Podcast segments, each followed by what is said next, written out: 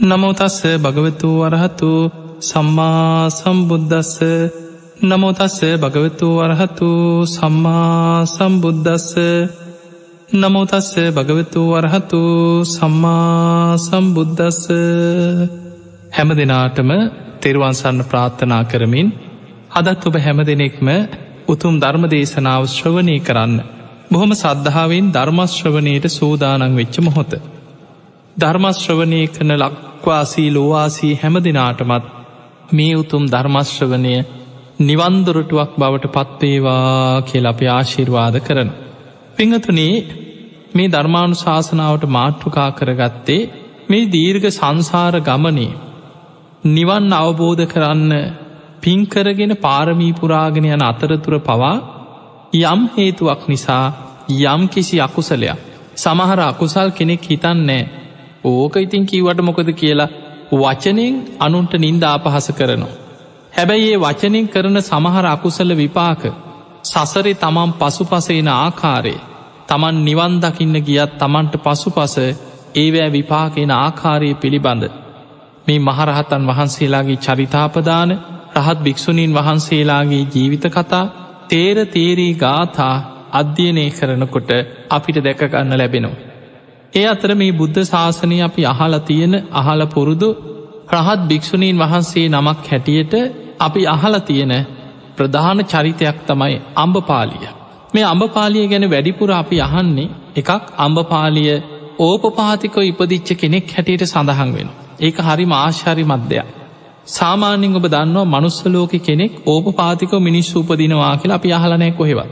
මිනිස් සූපදින්න මිනිස් මවකුසක හැබැයි අම්බපාලිය පෙර සසරය කරපු ප්‍රාර්ථනයක් මත පෙර සසරය කරපු පුුණ්‍ය ශක්තියක් මත ඕපපාතිකව අඹවනයක පහළ වෙච්ච කෙනෙක්. අන්නේ විශේෂ හේතුව නිසා අම්බපාලිය ගැන බුද්ධ ශාසනය තුළ ප්‍රකට වුණ. එවිතරක් නෙමේ අම්බපාලිය බොහොම ලස්සන දිව්‍යාංගනාවක් වගේ ලස්සන ශරීරයක්ති විච්ච කෙනෙ. එනිසා ලිච්චවී රාජ කුමාරෝරු අම්බපාලියට පුදුම විදිහට අඹපාලියව තමන්ගේ බිසව කරගන්න නොයෙක් විදියට උත්සාහ දැරුව. අවසානයගේ ප්‍රතිඵලයක් නිසා මේ රාජ කුමාරුරු නොයෙක් දෙනා රණ්ඩු සරුවල් ඇති කරගන්නවා තමන්ගි කරගන්න උත්සාහ කරනවා. ඒ නිසා ලිච්චවී රාජ කුමාරුරුන්ගේ එදා දඹදිව විශාලා මහනුවර අයිති මේ ලිච්චවී රාජ්‍යයේ පොදු වෛශ්‍යාව බවට පත් වනේ විශාල මුදලක් අයකරපු බොහොම ලස්සනව කෙනා අම්ඹපාලිය. මෙන්න මේ අම්බපාලිය පසුකාලීනව පැවිදි වෙලා රහත් වෙනවා. රහත් භික්‍ෂුණයක් බවට පත්වෙන්. එතකොට මේ ජීවිතය තුළ කොච්චර ලස්සන ශරීරයක් තිබුණත් ඒ වගේම රාජ කුමාරුරු ඇසුරු කරා වෛශ්‍යාවක් හැටියටයි ජීවිතය ගත කරන්න ඊළඟට ඕපපාතිකව අමුතුම විදිහ උපතක් හැටියට මනුස්සලෝකෙ පහළ වෙනවා අවසානයේ තමන්ගේ අභවනේ පවා බුද්ධ ප්‍රමුඛ සංඝයාට පූජා කරලා පැවිදි වෙලා තමන් උතු මරහත්වයට පත්වෙනවා. මෙන්න මේ අම්ඹපාලියගේ ජීවිතය හා බැඳිච්ච පෙර අතීත සිදුවීන් ඇයි මෙහෙම ඉපදුනේ.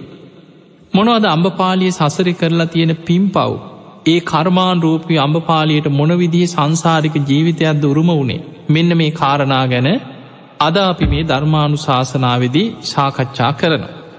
පිංහතුනේ මීට කල්ප අනූදහකට පෙර පුස්ස නමින් බුදුරජාණන් වහන්සේ නමක් ලෝකෙ පහළ වුණා.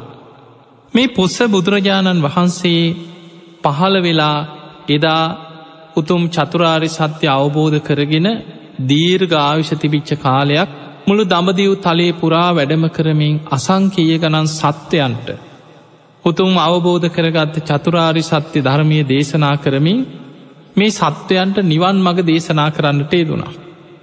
එදා ඒ පුස්ස බුදුරජාණන් වහන්සේගේ නැගනිය තමයි අම්ඹපාලිය එදා ඒ කාලේ නැගනී. එතකොට හිතන්න කල්ප අනූ දෙහෙකට පෙර මේ ලෝකෙ පහළවෙච්ච බුදු කෙනෙක්ගේ නැගනිය වෙලා උපදින්න පෙර සසරි මොන තරං වාසනාවක් මතුවෙච් ආත්මයක්. ඒ බුදු කෙනෙක්ගේ නැගනිය වෙලා ඉපදිලා. ඒ බුදුරජාණන් වහන්සේගෙන් බනහල ඒ පවුලේ බොහෝ පිරිස නිවන් අවබෝධ කර. හැබැයි එදා ඒ නැගනියට තිබුණේ නිවන් අවබෝධ කරගන්න අදහසක් නෙමේ. නැගනයට තිබ්බේ ලස්සන ශරීරයක් ඇතුව උපදින අදහසා. දුටු දුටුවන් තමන්ගේ රූපයට වසඟ කරගන්න. ලස්සන රූප සෝභාවයක් ලබන අදහස තමයි තිබුණ නිවන්දකින්න නෙවේ. එදා පුස්ස බුදුරජාණන් වහන්සේ ඇතුළු මහා සංඝයාට බොහොම සද්ධාවෙන් දානයේ සකස් කරල දම් පිරි නමනු. දානයේ පූජා කරලා පුස්ස බුදුරජාණන් වහන්සේ ඉදිරියේ ප්‍රාර්ථනාවක් සිදු කරා ස්වාමීනයේ භාග්‍යතුන් වහන්සේ ඇතුළු මහා සංඝයාට අදමම් මගේ මතින් මේ පිරිස එකතු කරගෙන බොහොම ප්‍රනීත විදිහට දානී පූජා කරා.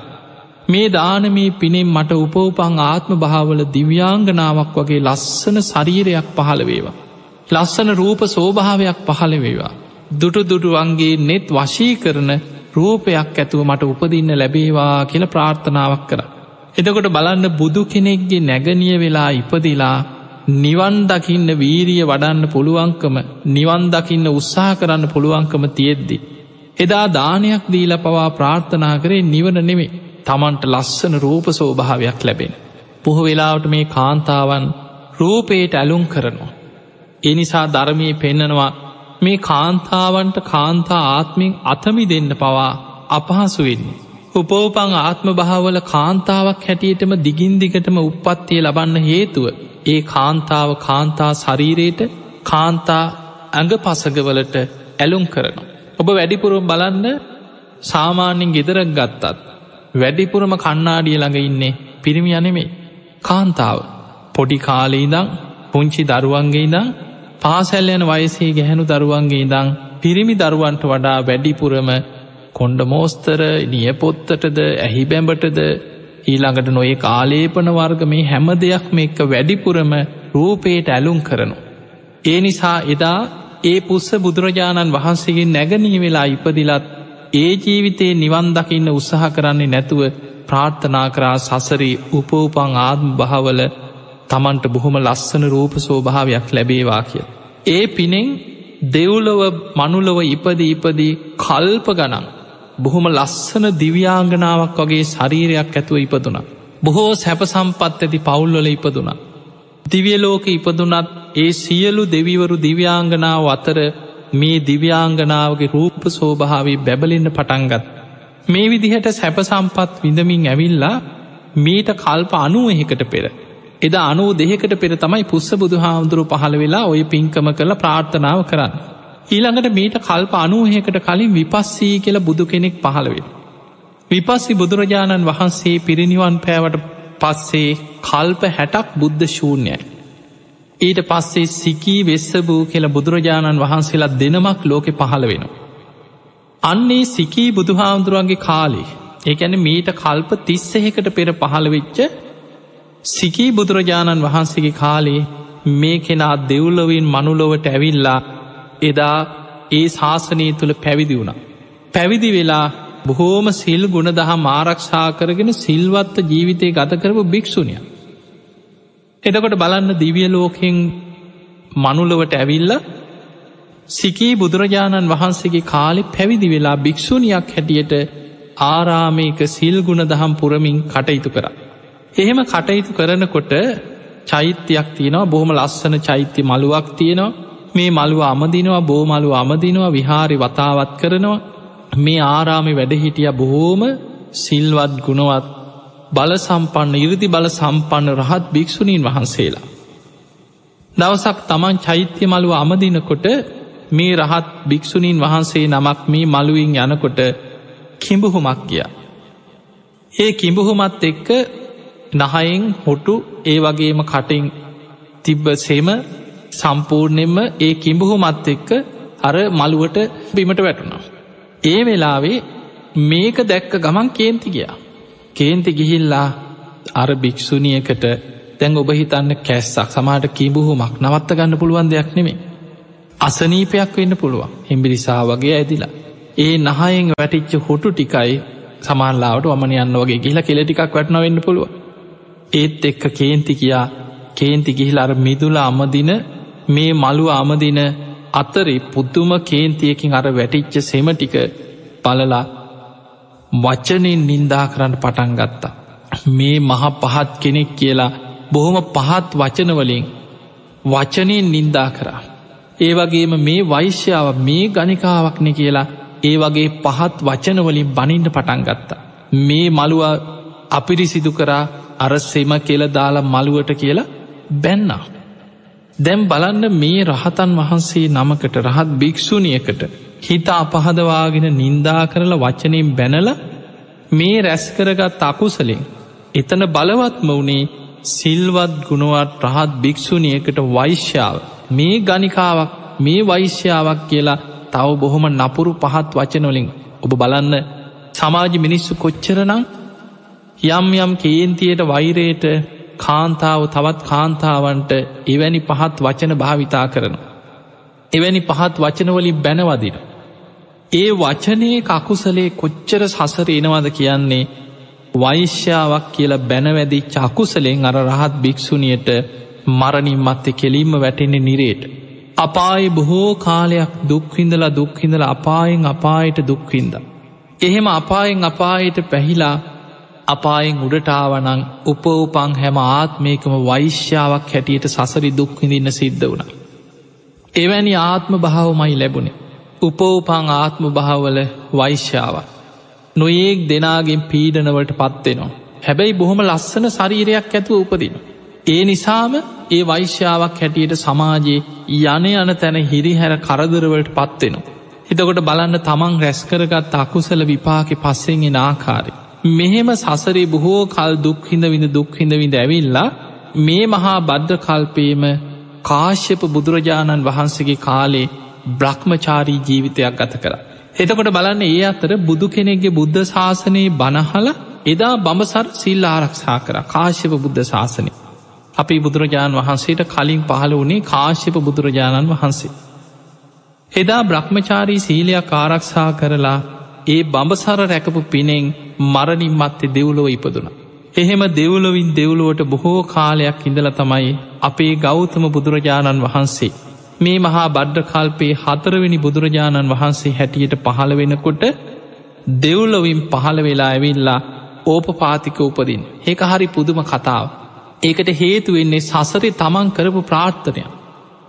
තමන් සසරේ අර වචනයෙන් සිද්ධ කරගත් අකුසලේට විපාක ගෙව්වා වගේ මයි පින් කරා. තමන් පින්කර කර ඒ වගේම කල් පනූදෙහකට පෙර බුදු කෙනෙක්ගේ නැගනයක් වෙලා උපදින්නත් මොන තරම් පිනක් තියෙන් ඕන්. බුද්ධ ප්‍රමුඛ සංඝයාට දන්දීල තියෙනවා බණහල තියෙනවා මෙහෙම පින් කර ඊළඟට කල්ප තිස්සහකට පෙර සිකී බුදුහාන්දුරන්ගේ ශාසනයේ පැවිදි වුණ. ඒ පැවිදි ගුණධර්ම රැකගෙන ඉන්න අතරි තමයි දවේශයෙන් අර භික්‍ෂුණයකට පහත් වචනවලින් ගරහා කරලා ඒ රැස් කරගත් අකුසල විපාකි මේ සසරි ගෙවාගෙනයන් එතකොට රැකපු සීලේකු ආනිසංසත් ලැබෙන. තමන් පැවිදි ජීවිතයක් තුළ ගුණධර්ම පිරුවනං ඒක විපාකෙත් ලැබෙන. හැබැයි අර වචනයෙන් කර පකුසල විපාගෙත් පස්සෙන්ගෙන්. ඒ නිසා පිම් පව් විපාක දෙකම සසරි තමන්ගේ පස්සෙංආාව. අපේ බුදුරජාණන් වහන්සේ පහළ වෙනකොට දඹදිව ශස්ශ්‍රීකම රාජ්‍ය බවට පත්වනේ ලිච්චවී රාජදහනී. ඔබහල ඇති ලිච්චවී රාජ කුමාරොරු හද්දාස් හත්සිය හත් දෙනෙක් හිටිය කිය. සමෝහාණ්ඩු පාලනයක් හැටියට පාලනය කරගෙනකි. මේ හැමෝම සමගී හැමෝම බොහෝම එකතුයි. ඒ නිසා මේ අය එකතු වෙලා තමයි සමගියෙන් සාකච්ඡා කරනවා සමගියෙන් තීරණ ගන්නවා ඒ අයගේ පාලන කටයුතු ගෙනියන්න එහෙම. ලිච්චවීන්ගේ ආරම්භ ගැනත් අපි චුට්ටක් කතා කරු හරීම ලස්සන තොරතුරක්තියෙන් ලිච්චවී පරපුර හැදිච්ච හැටි. පෙංහතුනේ අපේ බුදුරජාණන් වහන්සේ පහළ වෙන්න බොහෝ කාලෙකට පෙර දඹදිව බ්‍රහ්මදක්ත නම් රජ පරම්පරාවක් බරණැස පාලනය කරමින් දිගට පැවතුන. ඒ කාලි බරණැස බ්‍රහ්මදක්ත රජ්ජුරුවන්ගේ අගබිසවට දරුවෙක් ලැබෙන්න ඉඳලා නිසි මාසවලට කලින් මස් ඇදැල්ලක් බිහිවුණා. දරුව නෙමේ බිහිවුණේ මස් ඇදැල්ලක් හැටියට බිහිවුණ. කලින් ලැබුණා දැන් දරුවෙක් අංග සම්පූර්ණ දරුවෙක්ගේ ලකුණු නෑ මස් පැදැල්ල තියෙන.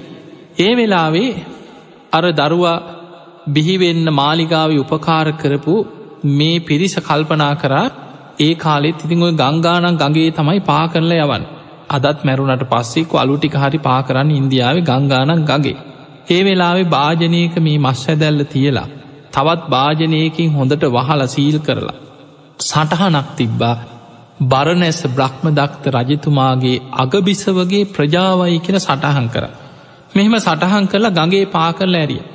දැ මේ මස් ඇදැල්ල සහිත භාජනය ගගේ පාවෙලා පාවෙලා බොහෝ දුරක් කොහොම ගිහිල්ල ගිහිල්ලා යනකොට එක මහා වනාන්තරයක ඉරදි බල සම්පන්න තාපසයන් වහන්සේ නමක් තවස් දම් පුරනවා. මේ තාපසයන් වහන්සේ හැමදාම උදෑසන මේ ගඟට යනවා මූුණකට හෝදගෙන පැම් පහසුවෙන්. එදා වතුරට බැහැල මූුණකට දෝවනය කරනකොට අර භාජනය වතුරේ පාවිපාවියාපු භාජනය කකුලි දැවටුණ. භාජනය අරම් බැලු මොකක්ද මේ බලනකොට සටහන දැක්කා බරණැස දක්ම දක්ත රජතුමාගේ අගබිසවගේ ප්‍රජාවයි. ඒ වෙලාවේ අධිෂ්ඨාන කරලා බැලුව ඉරදි බල සම්පන්න තාපසයන් වහන්සේ මොකක්ද මේ දැක්කා මේ භාජනය තුළ මේ තියෙන මස් හැදැල්ල උණුසුම හිටින ආකාරයට තව දින කීපයක් මේ විදිහටම විවෘත නොකර තිබුණොත් මේ භාජනය තුළ අර මස්වැදැල්ලෙන් දරුව දෙන්නෙක් නිර්මාණය වෙනවා. එහෙමම භාජනය අරගෙන ගිහිලා උණුසුම්බ තාපසාරාමේ එහෙම අරගෙන තිබ්බා. මේ තාපසයත් බොහොම ඉරදි බල සම්පන්න කෙනෙ. තමන් ඉරදියෙන් අධිෂ්ඨාන කරලා නිසි දවසේ භාජනය විවර කරනකොට අර මස්වැදැල්ල දෙකට බෙදිලා. ගැහැනු දරුවෙකුයි පිරිමි දරුවෙකුයි මස්වැදැල්ලින් දරුව දෙන්නෙක් නිර්මාණය වෙලා. හැබැයි මේ දරුවන්ගේ සමයේ වෙනස් ලක්ෂණ තියෙනවා. මොකද සාමාන්‍යෙන් මවකුසේ සම්පූර්ණයෙන් වැඩිලා ඉපදිච්ච දරුව නෙමේ. දරුව ලැබෙන්න මාසකට එක හමාරකට කලින් මස් ඇදැල්ලක් හැටියට බිහි වෙලා ඒ තුළින් නිර්මාණය වෙච්ච දරුවෙක්කින්නේ දරුව දෙන්නේ. ඒ නිසා මේ දරුවන්ගේ සම විනිවිදගෙන හම ඇතුළේ තියෙන මේ නහරවැල් අස්ති ඉතාම සියුම් සිවියක් වගේ හමක් දරුවන්ට තියෙන්. අන්න ඒ නිචා තමයි මේ දරුව දෙන්නට නිච්චවි චවිකැන හම ටික ටික දරුව දෙන්නා තරුණ කාලිට එනකොට ළමාවයිසට එනකොටත් අනික් දරුවන්ගේ හමට වඩා ඉතාම සියුම් හමක්තිය හම විනිවිදගෙන පේනවා. මේ දරුව දෙන්න මේ තාපසයන් වහන්සේ බොහොම ඉර්දි බල සම්පන්නයි මහපොට්ට ඇගිල්ලෙන් අධිෂ්ඨාන කරලා ශරීරයේ ඇගිල්ලෙන් කිරි කරලා මහපොට ඇගිල්ලෙන් කිරිපෙව්වා කියන. පිංගතුනි දේශනාවල තියෙනවා චිත්ත වශී ප්‍රාප්ත කරගත්ත සතර මහා ධාතු වඩල චිත්ත වශී ප්‍රාප්ත කරගත්ත කෙනෙකුට ඒ සතර මහා ධාතු අධිෂ්ඨානෙන් වෙනස් කරන්න පුළුව. ශරීරයේ ලේ දහතුව හිරි බවට පත් කරල අධිෂ්ඨානය මහපොට ඇගිල්ලෙන් කිරිපෙව්වා කියෙන්. දැන් ගමේ මිනිස්සුන්ට වෙනද වගේ නෙමෙයි තාපසියන් වහන්සේ දැන් ගමට වෙනද වගේ වඩින්නෙත් නෑ. මොකද මේ කියලා මිනිස්සු තාපසාරාමිට කැලේ ඇවිල්ල බලනකොට අනේ පුංචි දරුව දෙන්නෙක් තාපසයන් වහන්සේ හදනවා. අර ගමේ මිනිස්සු කීව තාපසයන් වහන්ස මේ දරුව දෙන්න අපට දෙන්න. ඔබට කරදරයක් අපි මේ දරුව දෙන්න හදාගන්නම් කියලා ගම්වාසීන් දරුව දෙන්න හදාගත් තාපසය ගමේ මිනිස්සුන්ට කිය මේ දරුව දෙන්නා රාජ කුමාරවරු.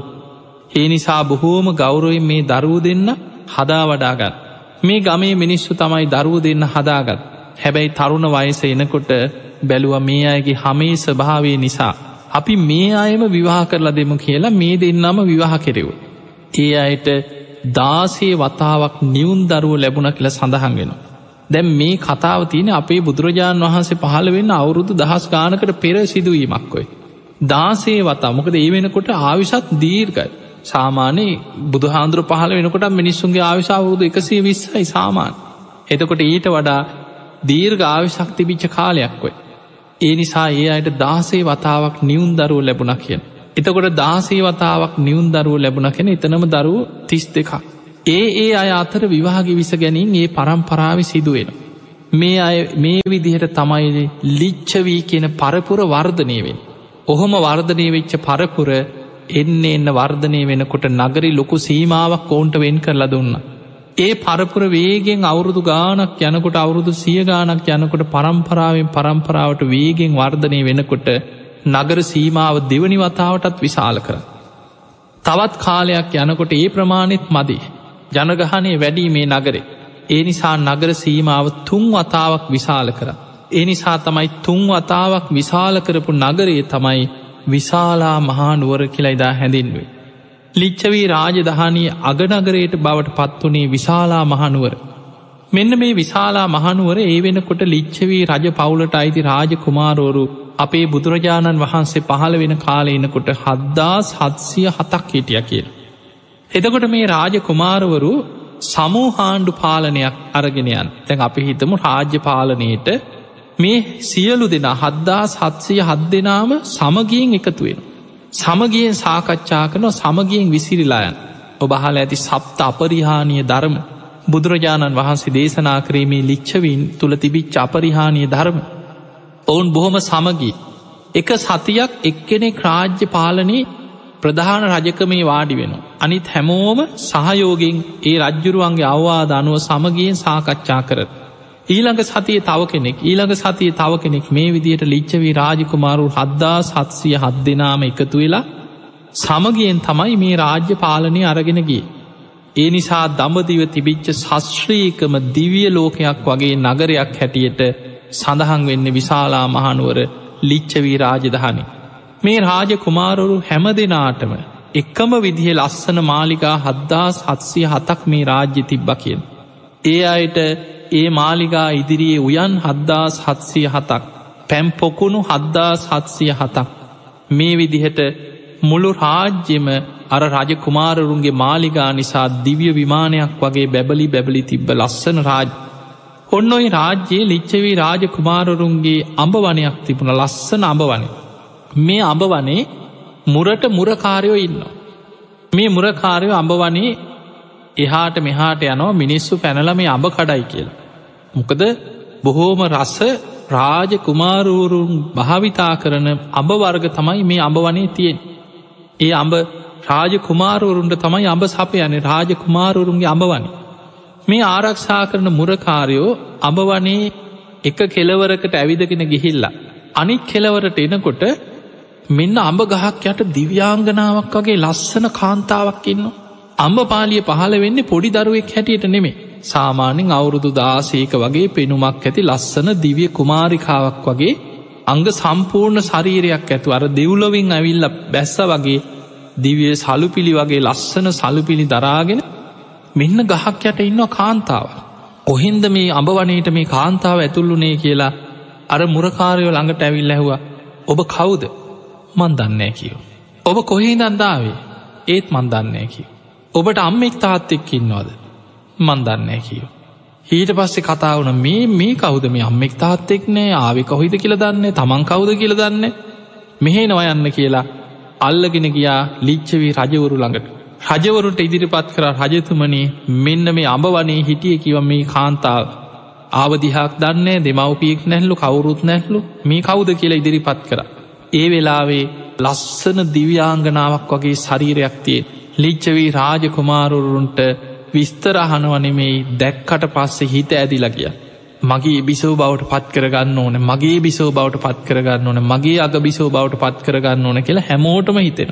අවසානයේ මේ අම්ඹ පාලිය අඹවනේ පහළ වෙච්ච නිසා තමයි අම්ඹ පාලිය කියලා කිය අඹවනේ පහළ වෙච්ච කෙන. දැම් මේ රාජ කුමාරුවරු හැමෝම පොරකණ නිසා හැමෝගෙම පොදු අයිශ්‍යාව බවට පත් කරා. නගරේ බොහොම ලස්සන භූමියක් අඹවනයත් එක්කම රාජ්‍යයෙන් පැවරුව. රාජකුමාරුරුන්ට රිසිසේ තමන්ට පරිහරණය කරන්න පුළුවන් පොදු වෛශ්‍යාව බවට රාජ්‍යයම පත්වනු. එදකොට බලන්න ලස්සන ශරීරයක් ඇතුව ඉපදුනා. පෙර සසරි කරපු අධිෂ්ඨානයක් මත ඌපපාතිකවත් ඉපදු. ඒකත් හරි මාශ්චරි මධ්‍යයක්. එතකොට පෙර සසරේ කරපු පින නිසා ලස්සන රූපයක් ලැබූ. හැබැයි අර කල්ප තිස්සෙහෙකට පෙර එදා සිකී බුදුරජාණන් වහන්සේගේ ශාසනයේ තුළ පැවිදි වෙලා රහත් භික්‍ෂූණියකට වෛශ්‍යාව කියලා ගරහා කළ පහත් වචනයෙන් බැනල රැස්කරගත් අකුසල විපාකෙන් අපාය ගිහිල්ල උපෝපං හැම ආත්මයක වෛශ්‍යාවක් හැටියට දුක්විඳවි දැවිල්ල හැබැයි අපේ බුදුරජාණන් වහන්සේට පෙර කාශ්‍යප බුද්ධ ශාසනයේ බ්‍රහ්මචාරී ජීවිතයක් ගත කරපු නිසා දෙව්ලව ගිහි ලායි මනුලෝටාව දැම් පින බලවත්.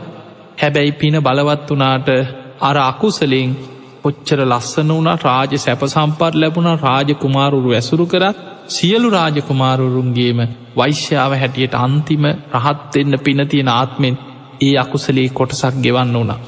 මේ අම්බපාලියගේ ලස්සන නිසාම ලිච්චවී රාජ්‍ය රාජකුමාරුරු විතරක් නෙමේ යාබද රාජ්‍ය රාජකුමාරුරුන්ටත් ආරංචිය ගියා අන්න ලිච්චවී රාජ්‍යයේ දිව්‍යාංගනාවක් වගේ ලස්සන කෙනෙක්කින්න.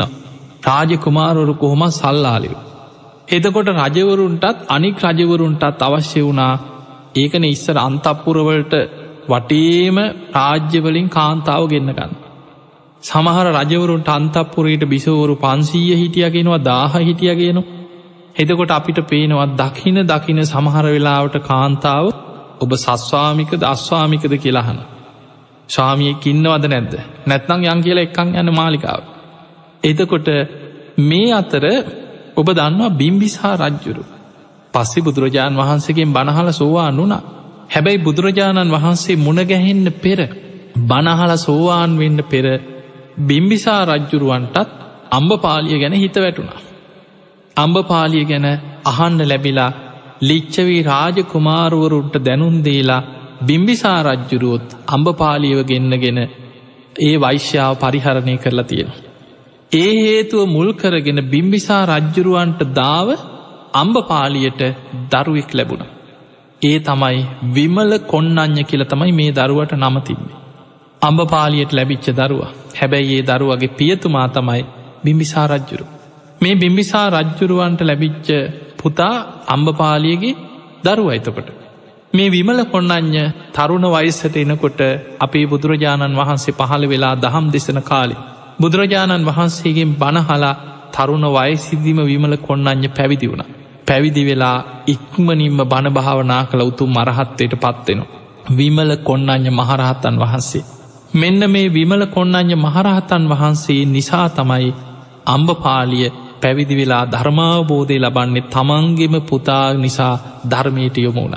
එතකොට මේ අම්බපාලිය අපේ බුදුරජාණන් වහන්සේ ඔබ දන්නවා උන්වහන්සේ බුද්ධත්වයට පත්වෙලා ටික කාලයක් යනකොට විශාලා මහනුවරට බොහොම අභාග්‍ය සම්පන්න කාලයක් ඇති වුණ. රෝග දුරුභික්ෂ අමනුෂ්‍ය. තුන්බියෙන් වෙලි ලගියා. බුදුරජාණන් වහන්සේ වැඩම කළ රතන සූට්‍ර දේශනා කරලා මුළු විශාලා මහනුවර නගරේටම පිරිත් පැන් ඉහෙලා බුදුරජාණන් වහන්සේගේ ආශිර්වාදයේ මේ විශාලා මහනුවරට ලබල දුන්න. ආයමත් ශශ්‍රීකත්වයට පත් වනා තුම්බිය දුරුණ.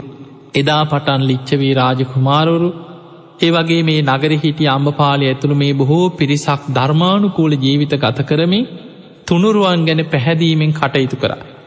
ඔය අතර බුදුරජාණන් වහන්සේ අවුරුදු හතලිස් පහක් වැඩ සිටිමේ. ගම් නගර සිසාරා වැඩම කරලා බුදුරජාණන් වහන්සේගේ ජීවිතයේ කීප වතාවක්ම උන්වහන්සේ විශාලා මහනුවර රාජ්‍යයට ලිච්චවී රාජධානයට වඩිනෝ. දැන් ඔය කාලෙ වෙනකොට බුදුරජාණන් වහන්සේගේ වයසත් ගිවිලා ගෙවිලා පිරිනිවන් පා නාසන්න කාලි. බුදුරජාණන් වහන්සේට අවුරුදු අසුවක් සම්පූර්ණ වේගෙන එනකොට. බුදුරජාණන් වහන්සේ වැඩම කරා එදා බේලුව ගමේ වැඩඉඳලා බුදුරජාණන් වහන්සේ ලිච්චවී රාජ්‍යයට වැඩම කර. ඒ වැඩම කරපු වෙලාවේ අම්බපාලියට ආරංචි වුණා බුදුරජාණන් වහන්සේ මේ ලිච්චවී රාජධානයට විශාලා මහනුවරට වැඩම කරලා. අඹපාලිය ඉක්මට තමන්ගේ සේවකයන් සේවිකාවන් පිරිවරාගෙන අඹපාලිය බොහොම ධනවත්තේ වෙනකොට හැම රාජ කුමාරයෙක් මුදලක් ගෙවන්න ඕනේ අම්ඹපාලියට නගරයේ රාජ කුමාරුරුන්ගේ වෛශ්‍යාව වනත් මුදලකට තමයි අය කරේ. ඒනි සම්භපාලිය බොහොම ලස්සනයි ධනවත් නගර ඉන්න ධනවත්ම කෙනාය වෙන. හම්බපාලියට ලස්සන කරත්ත තිබුණ. අස්ව රථයක් සෝදානන් කරගෙන පිරිස පිරිවරාගෙන බුදුරජාණන් වහන්සේ මුණ ගැහෙන්නේනවා. හැවිල්ල බුදුරජාණන් වහන්සේට වන්දනා කළ ආරාධනයක් කරා ස්වාමීණී භාග්‍යතුන් වහන්සේ හෙට දවසේ. මගේ නිවසට තතාගතයන් වහන්සේ බුද්ධ ප්‍රමුඛ සංඝයා පිරිවරාගෙන දානයට වඩින සේක්වා. මම බුද්ධ ප්‍රමුඛ සංඝයා වෙනුවෙන් දානී සූදානන් කරන. බුදුරජාණන් වහන්සේ අම්භපාලියගේ ආරාධනය පිළිගත්. මේ අතරේ ලිච්චවී රාජකුමාරුවරුන්ට තාරංචි වුණා අන්න තතාගත බුදුරජාණන් වහන්සේ බොහෝ කාලෙකට පස්සේ විශාලා මහනුවරට වැඩම කරල. ලිච්චවී රාජකුමාරුවරු බොහෝම ලස්සනට ඇඳ පැළඳගන්න ආසයි කියල්. ඒ අයට වෙන වෙනම වරණවත් ඇඳුන් තියෙනවා ඒ වරණයට අදාළ විදිහටම අස්ව රත තිබිලතිය. ලිච්චවී රාජකුමාරුරු බුදුරජාණන් වහන්සේ මුණගැහෙන්න එන්න ඒ අය වෙන වෙනම ඇඳුම්ගොලින් සැරසුනා. සමහරාජකුමාරුරු කහපාට ඇඳුම්ගොලින් සැරසිලා කහපාට අස්වරත්ත වල නැගල කහපාට කොඩි සේසත් අරගෙන පිටත් වුණ. සමහ රාජකුමාරු රතුපාට ඇඳුම්ගොලින් සැරසිලා රතු පාටින් සරසපු අස්වරත්තවල නැගල කොඩි සේසත් රතුපාටින් අරගෙන පිටත්වේ. සමහරු සුදු පාට රත්තරම් පාට මේ පිරිස ඈතින් දකිනකොට පේන්නේ දෙවියන් දිවිය සේනා පිරිවරාගෙන එනවා වගේ කිය. දැන් ලිච්චවී රාජකුමාරුඩු මේ විදිහට ලස්සනට කරත්තවල පාටිම් පාට වරණවත් ඇඳුම් ඇඳල පාටිම් පාට වරණවත් කරත්තවල සැරසිලා පිටත් වුණ. අම්ඹ පාලිය බුදුරජාණන් වහන්සේට දානට ආරාධනා කරලා පුද්දුම සතුටෙක්. තමන්ගේ අස්වරතේ නැගල අර පිරිසත් එක් ආපහු යනෝ. යනකොට ලිච්චවී රාජකුමාරොරු ටික එනවා පෝලිමට කරත්තව ලස්සන අම්ඹපාලිය මොකද කරේ තමන්ගේ කරත්තේ අර රාජකුමාරුන්ගේ කරත්තවල පැත්තකින් හැප්පුවා. හප්පගෙන වද්දගෙන ගියා. ඒ වෙලා රාජකුමාරුන්ට කේන්ති ගිය. කරත්තවලින් බැහලව මොකද මේ අපේ කරත්තවල වද්දගෙන යන්නේ මොකද මේ කියල කේන්තිය. ඒ වෙලාවේ අම්ඹපාලිය කියනවා මට පුදුම ලාභයක් ලැබුණ. මං බුදුරජාණන් වහන්සේ ඇතුළු සංඝයාට මං ආරාධනා කරා හිට දවසි දානෙත්. බුද්ධ ප්‍රමුඛ සංඝයා මගේ ආරාධනී පිළිගත්තා. එතකොට ලිච්චවී රාජකුමාරරු කරත්වලින් බැහලකින වනේ අම්භපාලි අපි මේ යන්නෙත් බුද්ධ ප්‍රමුඛ සංඝයාට දානයට ආරාධනා කරන්න. ඔබට අපි කහවනු ලක්ෂයක් දෙන්න. අපිට ඔය දානි දෙන්න කියව. අම්භපාලිය කියනවා කහවනු ලක්ෂයක් නෙමේ. මේ ලිච්චවී රාජ දහානියම මගේ නමට පැවරුවත් මමනන් දානය ආපහු කාටවත් දෙන්නෑ කියව. ඒ වෙලා ලිච්චවී රාජකුමාරුන්ට කියවෙන අහෝ කාන්තාවකට අපි පැරදුනා නොවිද කිය.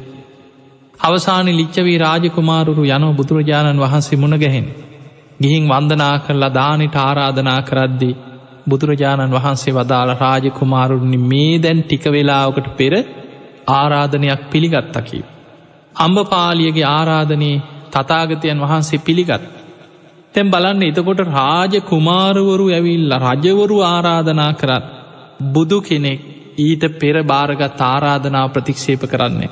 බුදුරජාණන් වහන්සේට කලින් ආරාධනා කරේ කෞුද මෙයා වෛශ්‍යාවද්ද මෙයා හිඟන්නෙද්ද මෙයා කවුද?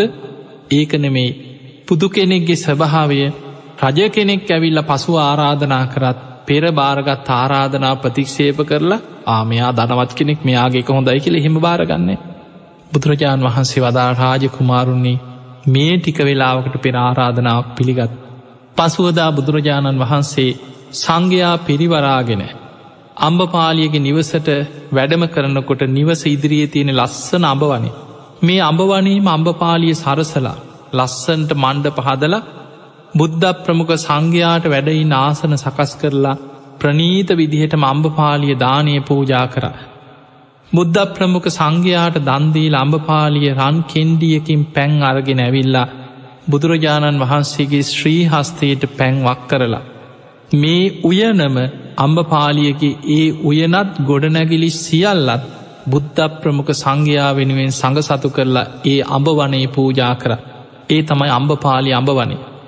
බුදුරජාණන් වහන්සේට ආරාධනා කරා ස්වාමීණි අද පටන් ඔබවහන්සේටත් සංඝයාටත් මේ ආරාමයක් කොට මේ අබවනේ මේ උයනම පූජා කරන. තතාගතයන් වහන්සේ මේ උයන පරිහරණය කරමින් මේ බිමේ වැඩ ඉන්න සේක්වා. බුදුරජාණන් වහන්සේ ඒ උයන පිළිගත්තා. පිළි අරගෙන දින කීපයක් අම්ඹපාලියගේ අඹවනේ බුදුරජාණන් වහන්සේ වැඩ ඉඳල තමයි. පිරිනිවන් පාන ගමන පිටත් වෙන්නේ එදා විශාලා මහනුව රම්භපාලි අඹ වනීදන් තමයි කුසිනාරාව කරා පිරිනිවන් පාන ගමන වැඩම කරන්න. පිංහතුනේ ඔය අම්භපාලිය වයසට යනකොට තමන්ගේ පුතා තමයි අර විමල කොන්නඥ මහරහතන් වහන්සේ. මේ ස්වාමීන් වහන්සේගෙන් බණහලා පැවිදි වුණා. අර සියල්ලු දේපොල මේවා ශාසනයට පූජා කර ඒ සියල්ල කාමයන් අතහැරලා අම්භපාලිය පැවිදි වෙනවා. පැවිදි වෙලා පුද්දුම වීරියෙන් අම්භපාලිය බණභාවනා කර. ධර්මය දියුණු කරලා ටික කාලෙකින් සියලු කෙලෙසුන්ගෙන් මිදිලා බොහෝම ඉරදි බල සම්පන්න රහත් භික්‍ෂුණයක් බවට අම්භපාලිය පත්වෙනවා. මේ අම්භපාලියගේ උදාන ගාථා කීපයක් තියෙන තේරී ගාථාව හරී ලස්සනයි. මේ අම්භපාලිය තමන්ගේ ජීවිතයේ තමන්ගේ කයේ ස්වභාවය ගැන ධර්මය ගැන පිරිනිවන් පාන්න පෙර ප්‍රකාශ කරන උදාන ගාථා. අම්භපාලිය උදානයක් හැටියට කියනවා මෙයින් කල්ප අනූ දෙහෙකට පෙර අංගේ රස පුස්ස බුදුරජාණන් වහන්සේ ලෝකෙ පහළ වුණා. එදාමං ඒ බුදුරජාණන් වහන්සේගේ නැගනිය හැටියට ශස්ත්‍රීය රාජ කුලේ උපන්. ඒ බුදුරජාණන් වහන්සේගෙන් බණහලා අතිශයින්ම පැහැදීමට පත්වෙච්ච මම ප්‍රාර්ථනා කරේ රූප සෝභාවෙන් රූප සම්පත්තිය මට උපවපං ආත්ම භාවල ලැබේවා කියලමම් ප්‍රාර්ථනයක් කර. මෙයින් කල්ප තිස්සහෙකට පෙර ලෝකනාත වූ මේ තුන් ලෝකේටම යහපත උදා කරන සිකී සම්බුදුරජාණන් වහන්සේ පහළ වෙච්ච කාලෙ. ඒ රම්ය වූ අරුණපුරේ එක්තරා බමුණු කුලේක ඉපදිලා මමත් ගිහි ජීවිතය අතහැරලා පැවිදි වුණා. ඒ පැවිදි වෙලා පැවිදි ගුණධර්ම පුරාගෙන ඉන්නකොට මගේ අතින් අකුසලයක් වුණා. රහත් තෙරණියකට මැය ගනිකාවක් මෙෙන් අනාචාරය යෙදමින් බුද්ධ ශාසනයේ දූෂණය කරන පහත් කෙනෙක් කියලමං ආක්‍රෝස පරිභව කර ඒක මට සාපයක් බවට පත් වුණා. මම ඒ පාපකර්මය මරණින් මතු මිනිස් කය හැර දමා නිරේ බොහෝ දුක්විඳමින් අපා දුක්විඳමින් අපායෙන් අපායට දුක්වින්ද. බොහෝ දුක්කක් හන්දයන් මම බින්ද. කළ පව් විපාක දසදහස් සංඛ්‍යාත ආත්ම භාවවල ගෙවමින් මම උපවපං ආත්ම ගණනාව ගනිකාවක් ලෙස දුක්ග හැට විදිමින් දුක් සහිත ජීවිතයක් ගත කර. මගේ වචනය සිද්ධවෙ චකුසලේ විපාක ගෙවමින් එද්දේ මේ මහා බද්ධකල්පේ මේ ලෝකයේ පහළවෙච්ච කාශ්‍යප සම්බුදුරජාණන් වහන්සේගේ ශාසනයේ මම පැවිදි වුණ. මම බ්‍රහ්මචාරී ජීවිතයක් ගත කර. ඒ උතුම් කුසල බලයෙන් මං මරණින් මත්තේ දෙවුලව උපන්න. ඒ දෙවුලව ඉපදිලා තමයි විශාලා මහනුවර අඹවනයක එදා මම ඕපපාතිකව අම්භපාලිය හැටියට පහළ වුණේ. විමල කොන්නඥ උතුම් මහරහත්තන් වහන්සේගේ පිහිටෙන් මමත් මේ බුද්ධ ශාසනය තුළ පැවිදි වෙලා බුදුරජාණන් වහන්සේගේ ඕරස පුට්‍ර දියණයක් බවට පත් වන. මෙහෙම කියලා තමන් අරහත්වයට පත්වෙච්ච මේ ආකාරය ආපු ගමන ගැන උදානකාතා ටිකක් අම්භපාලිය පිරිනිවන් පාන්න පෙර කියල්. කියල අම්භපාලිය තමන්ගේ රූපයට දැන්වෙලා තියෙන ඉර නම බෝම ලස්සනට ඊළඟට ගාථා වගේකින් කියනවා. මේක අර්ථය මං ඔබට කියන්නම් අම්භපාලිය කියනවා පෙර මගේ කෙස් වැටිය කළු පාටිං බොහෝම දිගට වැවිච්ච ලස්සන කෙස් වැටියක් තිබුණා. දකින දකින අය මගේ කේෂ කලාපේට වශී වුණා. නමුත් දැන් මේකෙස් ඔක්කොම දිරලා. ඉදිලා ගැලවිලා යනු බුදුරජාණන් වහන්සේගේ ධර්මය නං හරි මාශ්චරයයි. ඒ සත්‍යවාදී බුදුරජාණන් වහන්සේගේ බුද්ධ වචනයේ ඒ ආකාරයටම ඉෂ්ට වෙනවා. ඊළඟට කියනවා මම මගේ කෙස් වැටියේ මල්ගහල බොහොම අලංකාරවත්ව සුවඳ ගල්වගෙන බොහෝම ලස්සනට සැරසිච්ච කෙනෙ දැම් මගේ කෙස් වැටිය ගැලවිලා ඉදිලා ගැලවිලා යනවා. ඒ ලෝක නායක වූ බුදුරජාණන් වහන්සේගේ බුද්ධ වචනය නං හරි මාශ්චරයයි මේ ජරාවට පත්වෙන ශරීරය ගැන බුදුරජාණන් වහන්සගේ දේශනාවනං හරි මාශ්චරයයි. ඊළඟට අම්භපාලිය කියනවා තමන්ගේ ඇහි බැඹ ගැන. මගේ ඇහි බැඹ හරියට චිත්ත සිල්පියෙකුගේ නිල් පැහැයෙන් අඳිනු ලබ රේකාවක් වගේ ලස්සනට තිබුණ. දුටු දුටුවන් මගේ ඇහි බැම දැකළ වශී භාවයට පත් වුණ. නමුත් දැන් රැලි වැටිලා. ඒ රෝමකූප ගැලවිලා ගිහිල්ලා. බුදුරජාණන් වහන්සේගේ බුද්ධ වචනය නං හරි මාශ්චරයයි. මේ ජරාවට පත්වෙන ශරීරයේ දැම්මං අත්දකිනවා.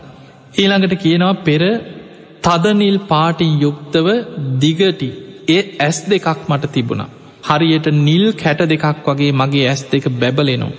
දුටු දුටුවන් වශී භාවයට පත්වෙරු. නමුත් දැම් මගේ ඇස් දෙක ජරාවට පත්වෙලා. එන්න එන්නම දුබල භාවයට පත්වෙනවා. බුදුරජාණන් වහන්සේගේ බුද්ධ වචනය නං ආශ්චරයයි.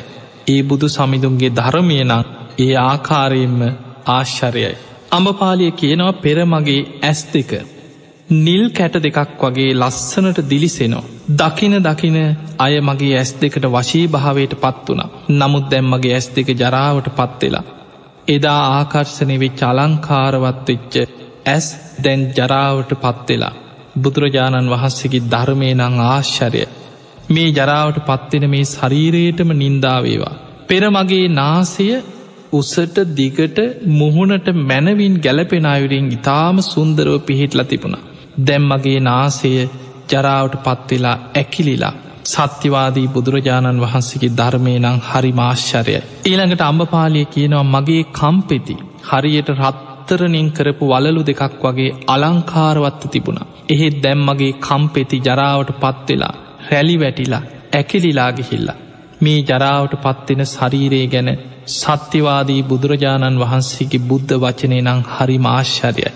ඊළඟට කියනවා තමන්ගේ දත් ගැන සුදෝ සුදු පාටට කිරි පැහැයින් බැබලෙන දත් තිස් දෙකක් මට තිබුණ. ඒ දත් දැකලා සිනහ වෙනකොට බොහෝ දෙනා මට ආකර්ශණය වුණා. නමුත් දැන් ඒ දත් දිරලා කැඩිලා ගැලවිලා අසූබන භාවයට පත්වෙලා. ජරාවට පත්වෙන ශරීරයේ ගැන සත්‍යවාදී බුදුරජාණන් වහන්සේගේ ධර්මය නං හරි මාශ්චරය. හිළඟට අම්භපාලියකිනම් මගේ කටහඬ කෙවිලියකගේ වගේ. බොහොම මිහිරි කටහඬක් එදා මට තිබුණ. නමුත් දැන් මගේ කටහඬ ගුරෝසු වෙලා. වචනයක් කතා කරගන්නකොට පැටලෙනෝ. මේ ජරාවට පත්වෙන ශරීරයේ ගැන සත්‍යවාදී බුදුරජාණන් වහන්සේගේ ධර්මය නං හරි මාශ්චරය. ඊළඟට ඔය විදිහට තමන්ගේ ගෙල ඊළඟට බාහු මේ ශරීරේ මේ ශරීරෙ කොටසෙන් කොටස මේ අතපය ඒකායි ලස්සන්ට තිබ්බ දේවල් අද වැහැරිලා තියනට මේ ඔක්කෝම එකින් එක එකින් එක අම්භපාලිය කියන. ඊළඟට තමන්ගේ පියයුරු ඊළඟට කලව ශරීරයේ මේ හැම්ම කොටසක් ගැනම කියලා අම්භපාලිය කියනවත් දැන් ජරාවට පත්වෙලා.